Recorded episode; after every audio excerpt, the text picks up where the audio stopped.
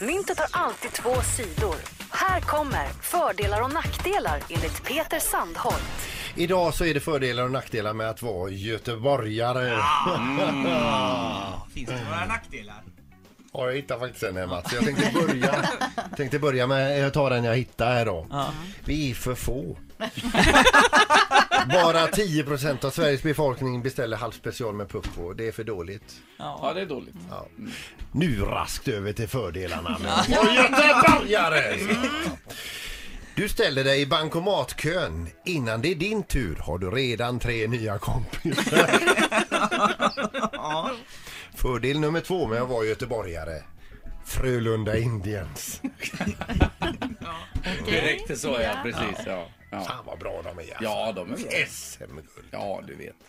Fördel nummer tre med att vara göteborgare. I Stockholm heter idolerna Justin Bieber, Justin Timberlake, Beyoncé, Kanye West, Nicki Minaj, Rihanna. I Göteborg heter han Åkan.